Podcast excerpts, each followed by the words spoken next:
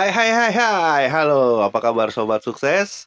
Ah, jumpa lagi di uh, The Baskoro Scale Up Podcast. Oke, semoga hari ini lebih baik dari hari kemarin. Nah, hari ini adalah episode pertama Teh Manis. Ah, apa sih itu Teh Manis?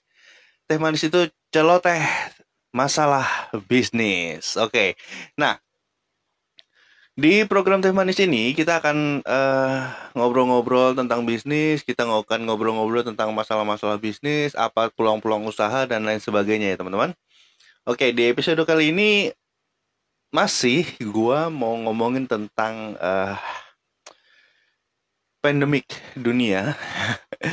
Tapi kita lihat dari sisi bisnis. Jadi uh, ini udah mulai mulai bisnis sudah udah uh, banyak sekali terpengaruh oleh adanya uh, virus ini gitu ya. Apalagi bisnis-bisnis yang uh, konvensional. Nah, kita akan bahas tentang bisnis konvensional terhadap virus corona. Ya, apa solusinya gitu ya? Oke, okay.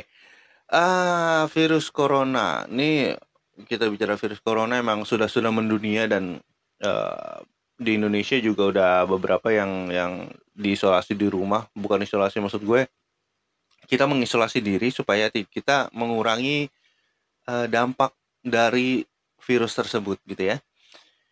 Banyak yang meliburkan gitu sampai uh, sekolah pun itu diliburkan bukan diliburkan di rumah kan jadi sekolah dari rumah secara digital kita sekolah kita belajar dari rumah terus uh, bekerja pun dari rumah semua dengan ya, fasilitas-fasilitas internet yang ada di rumah. Dan percaya nggak percaya internet sekarang mulai agak ngedon agak lemot karena banyak yang bekerja di rumah mungkin menurut gue ya. Nah apa sih bisnis-bisnis yang terpengaruh oleh virus corona? Nah bisnis kon bisnis konvensional bisnis konvensional itu bisnis bisnis tradisional yang yang uh, mengandalkan harus uh, apa namanya harus harus dikerjakan pada saat itu juga gitu. Jadi bisnis bisnis offline maksudnya. Jadi uh, banyak bisnis yang yang terdampak di sini. Contohnya ada beberapa ada beberapa uh, bisnis yang terdampak adalah pariwisata. Pariwisata itu bisa mencakup uh, hotel tempat wisata terus uh, warung-warung makan gitu kan atau rumah makan atau resto yang tidak e, bekerja sama dengan beberapa vendor online. Nah, jadi biasanya kan di tempat wisata tuh ada ada ada tempat makannya gitu ya, ada restorannya, ada yang jual souvenir gitu ya. Nah, mereka akan terpengaruh karena tempat wisata sudah ditutup gitu ya dan uh, hotel pun begitu. Hotel juga udah Wow, luar biasa sih sebenarnya hotel hotel dan vendor-vendornya tuh udah udah mulai terdampak gitu. Terdampak yang akhirnya uh, sangat-sangat sepi dan uh, revenue mereka sangat-sangat jauh drop turun sehingga uh, mau nggak mau suka nggak suka ya mereka harus melakukan sesuatu hal yang luar biasa untuk menaikkan uh, revenue mereka gitu ya. Nah, sampai juga perusahaan-perusahaan finansial.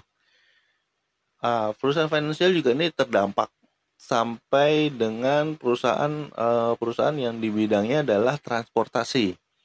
Transportasi ini juga terdampak ketika transportasinya ini tidak di tidak di apa namanya tidak dikonversi ke online makanya dia akan terdampak karena apa karena banyak orang di rumah nggak perlu keluar pertama yang kedua uh,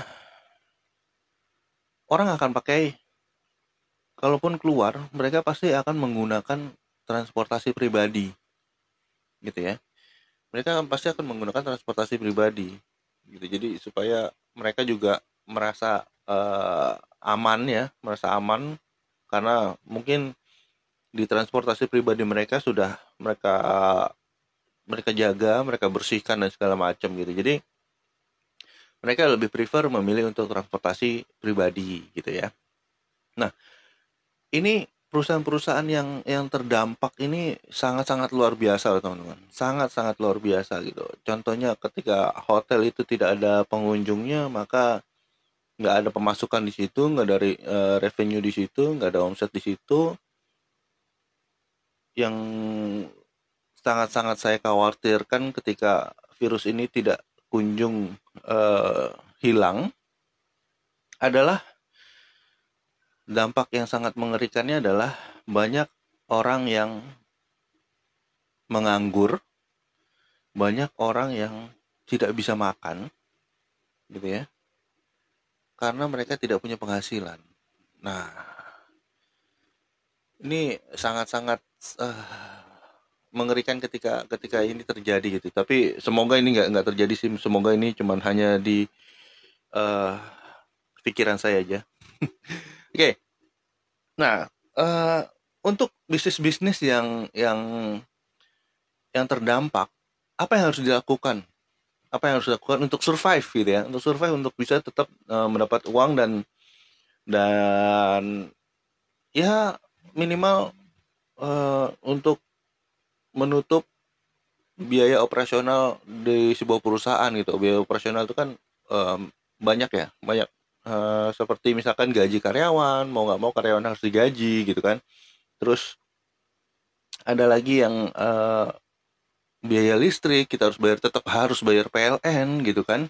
Kita tetap harus bayar uh, air pam gitu kan. Atau uh, minimal menurut gue gaji karyawan tuh yang yang yang sangat sangat sih. Karena walaupun kita merumahkan atau bekerja di rumah kita tetap harus menggaji karyawan-karyawan kita gitu. Nah efeknya adalah efeknya adalah ketika kita tidak bisa melakukan hal uh, yang di luar batas kemampuan kita itu sangat-sangat sangat-sangat mengerikan uh, kemungkinan akan ada beberapa karyawan yang dirumahkan tapi bukan bekerja di rumah tapi benar-benar dirumahkan atau di uh, di PHK akan banyak akan banyak karyawan-karyawan yang akan di PHK gitu ya. Dan uh, apa yang harus dilakukan ketika selain mem-PHK orang, selain uh,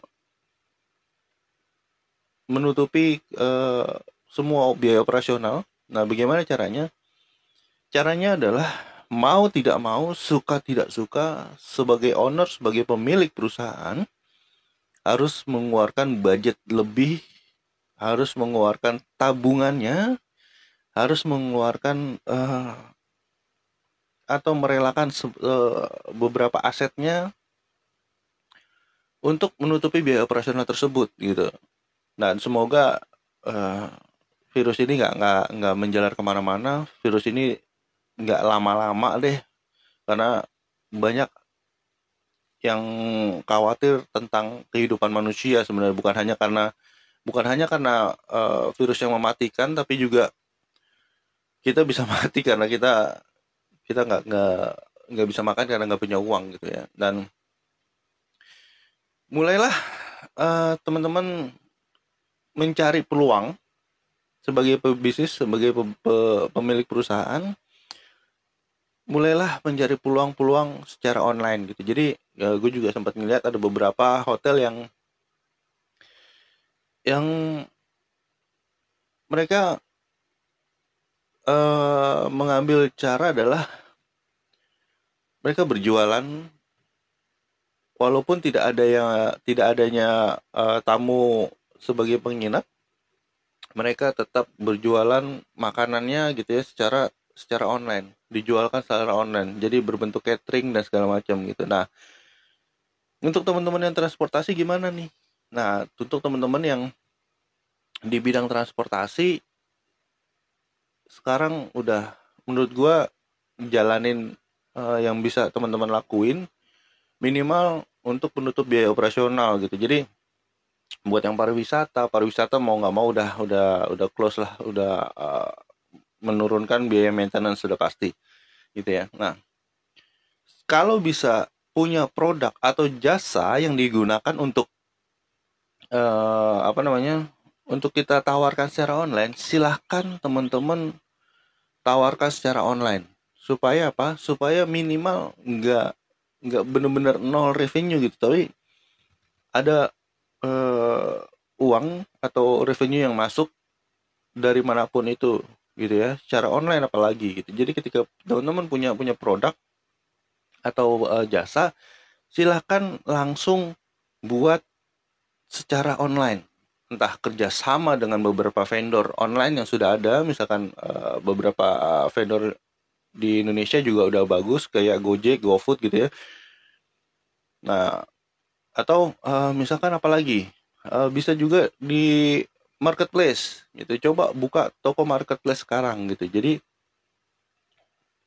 karena orang banyak di rumah, pasti banyak yang menggunakan media-media itu untuk entah beli makan, entah uh, mencari barang atau produk apa gitu. Jadi banyak yang berselancar sekarang di marketplace dan uh, aplikasi-aplikasi online gitu. Jadi karena mereka di rumah, mereka nggak nggak nggak nggak keluar, tapi mereka tetap bisa menutup kebutuhan mereka gitu. Jadi lebih baik coba cari cara supaya uh, bisnisnya ini bisa jadi online. Nah, itu solusinya gitu. Jadi uh, solusi yang terdekat itu dulu supaya revenue-nya tetap ada supaya pendapatannya masih ada untuk menutupi apa? Untuk menutupi biaya operasional. Untuk menutupi uh, kebutuhan diri kita, pribadi kita gitu ya dan semoga virus ini nggak uh, lama-lama dan semuanya teman-teman juga bisa beraktivitas secara secara normal seperti biasanya dan gue nggak mau gue pribadi uh, ketika virus ini terlalu lama khawatirnya adalah kerusuhan gitu. Jadi so teman-teman langsung cari cara pilih cara yang tepat untuk bisnis teman-teman supaya bisnis bisa survive gitu ya. Karena uh, beberapa kejadian juga waktu dulu kerusuhan adalah yang bisa survive adalah bisnis bisnis kecil. Bisnis besar pun banyak yang tumbang. Ya yeah, so ketika teman-teman masih punya bisnis kecil lakukanlah sekarang supaya tetap bisa dapat uang tetap uh, memiliki pendapatan dan tetap bisa uh, menjaga maintenance atau biaya operasional dalam sebuah usahanya. Nah, so teman-teman, lakukan sekarang. Jangan kebanyakan mikir dan kita tetap berdoa supaya virus ini bisa cepat berlalu dari negara kita dan bisnis tetap bisa berjalan lagi dan teman-teman thank you buat yang udah dengerin dan semoga solusi hari ini bisa teman-teman pergunakan supaya bisnisnya bisa berjalan dengan baik dan semoga hari ini bisa lebih baik dari hari kemarin. The Baskoro Scale Up Podcast teh manis, celoteh, masalah bisnis.